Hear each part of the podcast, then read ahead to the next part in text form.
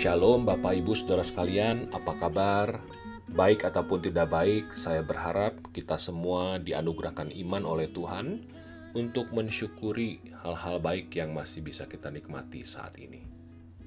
Hari ini saya mengajak kita semua untuk merenungkan Yeremia pasal 12 ayat yang kelima. Dengarkanlah firman Tuhan. Jika engkau telah berlari dengan orang berjalan kaki, dan engkau telah dilelahkan, bagaimanakah engkau hendak berpacu melawan kuda? Dan jika di negeri yang damai engkau tidak merasa tentram, apakah yang akan engkau perbuat di hutan belukar sungai Yordan? Yang berbahagia ialah mereka yang mendengarkan firman Allah dan memeliharanya. Haleluya. Bapak Ibu, saudara sekalian, hari ini kita menginjak hari terakhir di bulan Agustus 31 Agustus 2020. Artinya sudah sekitar setengah tahun kita semua berada di dalam situasi pandemi. Apakah situasi membaik Bapak Ibu Saudara? Data menunjukkan situasi sama sekali belum membaik, bahkan cenderung semakin buruk. Kalau beberapa negara lain sudah mengalami gelombang kedua, tampaknya kita gelombang pertama pun belum mencapai puncaknya. Konteks Bogor pun begitu Bapak Ibu Saudara. Setelah setengah tahun kita berupaya sebisa mungkin tetap di rumah kalau bukan untuk bekerja atau hal-hal penting lainnya. Kemarin diberlakukan kembali pembatasan sosial, kali ini berskala mikro Bapak Ibu Saudara.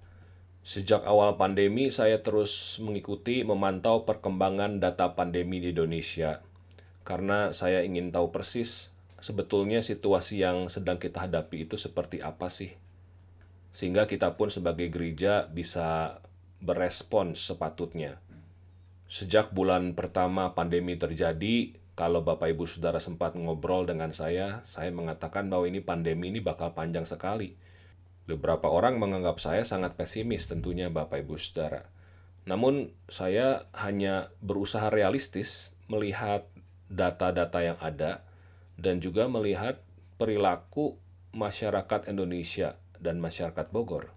Waktu itu sempat pemerintah memprediksi Juli sudah berakhir, namun nyatanya sekarang memasuki bulan September pun kita masih menghadapi ribuan kasus setiap harinya. Pasti ada di antara kita yang sudah sangat lelah dengan semua situasi pandemi ini. Beberapa kali kami di remaja, kalau sedang persekutuan remaja, saya kebetulan melayani anak-anak remaja 1 SMP kelas 9 Lalu kalau ditanya topik doa, biasanya kita di akhir kelas itu ada saling mendoakan, tanya topik doa satu sama lain. Ada beberapa anak yang minta didoakan, doakan supaya bisa cepat sekolah. Kenapa? Bukan rindu belajarnya Bapak Ibu Saudara, tetapi mereka betul-betul sudah sangat lelah diam di rumah saja. Sangat-sangat lelah dan frustrasi buat sebagian anak-anak. Saya yakin di antara Bapak Ibu Saudara pun ada yang merasa demikian, sudah amat sangat lelah dengan situasi ini. Nah, Bapak Ibu Saudara, apa yang Bapak Ibu akan rasakan kalau di dalam situasi seperti ini saya bilang kepada Bapak Ibu, Bapak Ibu Saudara, situasi akan semakin buruk. Saya yakin pasti ada di antara kita yang berpikir, lah ini orang gimana sih? Bukannya menghibur, membawa berita pengharapan, malah nakut-nakutin. Piye Thomas bro?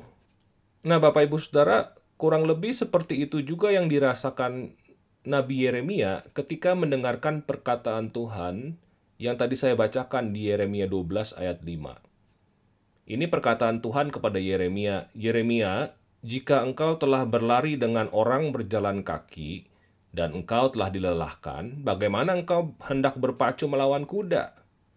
Jika di negeri yang damai engkau tidak merasa tentram, apakah yang akan engkau perbuat di hutan belukar sungai Yordan?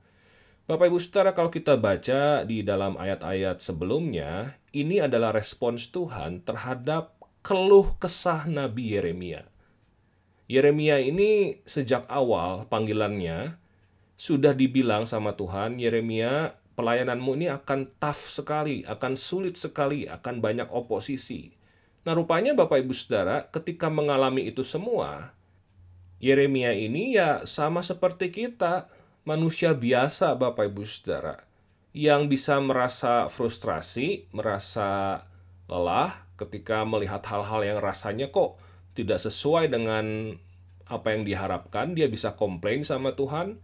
Kalau kita lihat misalnya di Yeremia pasal 12 ayat 1, dia mengeluh kepada Tuhan, Engkau memang benar ya Tuhan bila mana aku berbantah dengan Engkau, tetapi aku mau berbicara dengan Engkau tentang keadilan. Jadi dia protes nih melihat apa yang terjadi di sekitarnya. Mengapa mujur hidup orang-orang fasik? Sentosa semua orang yang berlaku tidak setia. Engkau membuat mereka tumbuh dan mereka juga berakar. Mereka tumbuh subur dan menghasilkan buah. Kenapa? Ini orang-orang jahat, orang-orang beleguk, cek orang Sunda ya. Tapi ini orang-orang kok bertumbuh semuanya, mujur. Nah, saya yang setia sama engkau Tuhan, saya nih yang suwe. Saya memberitakan Tuhan bukannya diapresiasi, malah saya dimusuhi. Bahkan saya pengen dibunuh sama orang-orang ini. Kurang beleguk apa orang-orang ini Tuhan? Nah terhadap keluh kesah Yeremia inilah Tuhan meresponi dengan ayat 5 tadi. Yeremia, kalau engkau berlari dengan orang berjalan kaki sudah lelah, gimana engkau akan berpacu melawan kuda? Maksudnya apa sih Bapak Ibu Saudara? Tuhan itu mau bilang sama Yeremia, Yer, ini tuh belum apa-apa loh. Ini baru permulaan. Kalau kita baca selanjutnya ayat 6 Bapak Ibu Saudara, Tuhan memberitahu Yeremia hal yang lebih parah apa yang akan terjadi dalam hidup Yeremia. Yeremia, saudara-saudaramu, kaum keluargamu, mereka sendiri juga akan berbuat kianat terhadap engkau. Mereka juga bersama-sama di belakangmu untuk menusukmu. Coba bayangkan kita berada di posisi Yeremia, Bapak Ibu Saudara. Kita ini udah merasa lelah, bertanya-tanya, ya ampun ini saya melayani, saya malah dimusuhin, bahkan orang-orang ngejar-ngejar saya, padahal kan saya ini memberitakan firman Tuhan, dan saya juga memberitakan demi kebaikan mereka. Kalau mereka nggak bertobat, mereka akan dihukum oleh Tuhan. Lah ini kan buat mereka, buat keselamatan mereka. Tapi apa yang saya dapat Tuhan? Yang saya dapat ini saya dimusuhin. Dan bahkan saya melihat ini orang-orang yang nggak percaya sama Tuhan kok malah subur hidupnya nih makmur-makmur semua. Lah saya ini yang setia sama Tuhan kayak begini loh. Nah di saat seperti itu Bapak Ibu Saudara, apa yang paling kita harapkan dari Tuhan? tentu kita sangat mengharapkan Tuhan itu menghibur ya. Mungkin kalau kita jadi Yeremia, kita bayanginnya kalau kita udah komplain kayak begitu, mungkin Tuhan ngomong gini, Yeremia, jangan takut, maju terus, aku akan melindungimu, tetaplah kuat, kira-kira begitu kali ya Bapak Ibu Saudara. Tetapi nyatanya di bagian ini enggak loh Bapak Ibu Saudara. Ketika Yeremia berkeluh kesah seperti itu, Tuhan bilang, Yer, ini kamu sekarang nih situasi kamu, kamu ini masih lagi berjalan kaki loh. Kamu belum ngelawan kuda, ini ke depan-depannya nih bakal lebih parah, Yer.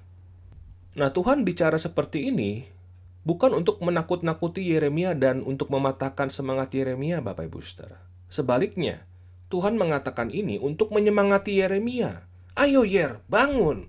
Kamu ini harus berpacu melawan kuda, bangun. Aku sudah mengatakan janji penyertaanku di awal panggilanmu. Ayo bangun Yer. Beberapa kali ketika saya mendampingi anak saya belajar, anak saya ini komplain Bapak Ibu. Dia bilang, waduh susah Dedi. Banyak amat ini pekerjaannya begitu ya. Padahal dia baru ngerjain satu soal atau dua soal Bapak Ibu Saudara. Padahal saya tahu persis dia itu bisa Bapak Ibu Saudara. Karena itu berulang kali ketika dia ngomong begitu, saya bilang sama dia, ah masa segitu aja udah nyerah?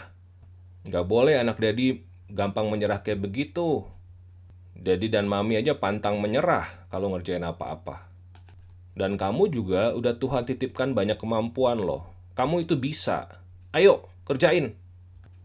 Bapak Ibu Saudara, apakah kita saat ini sudah merasa lelah menghadapi situasi pandemi ini? Itu manusiawi, wajar. Nabi Yeremia pun mengalami kelelahan semasa hidupnya. Namun bersiaplah Bapak Ibu Saudara situasi ini mungkin akan semakin parah. Bersiaplah. Kita akan berpacu melawan kuda, Bapak Ibu Saudara. Ini bukan lari jarak pendek yang akan kita tempuh. Ini adalah lari maraton yang kita belum tahu kapan ujungnya. Sama seperti Tuhan menyertai Nabi Yeremia, Tuhan yang sama pun akan menyertai kita. Selama 40 tahun Nabi Yeremia melayani, begitu banyak kesulitan, begitu banyak oposisi, berulang kali orang-orang ingin membunuh Yeremia, bahkan sampai akhir masa hidupnya. Israel pun tidak mendengarkan Yeremia. Tetapi Tuhan menepati janjinya kepada Yeremia. Tuhan menyertai Yeremia, menguatkan Yeremia sampai akhirnya Yeremia betul-betul setia menunaikan tugas pelayanannya hingga pada kesudahannya. Ayo Bapak Ibu Saudara, bersiap. Kencangkan ikat pinggang. Kita akan bertarung melawan kuda. Entah berapa lama lagi, tetapi yakinlah Tuhan tidak akan pernah meninggalkan kita Mari terus percaya kepada Tuhan, berharap kepadanya, dan terus melakukan kebaikan demi kebaikan untuk orang-orang di sekitar kita. Tuhan memberkati kita. Amin.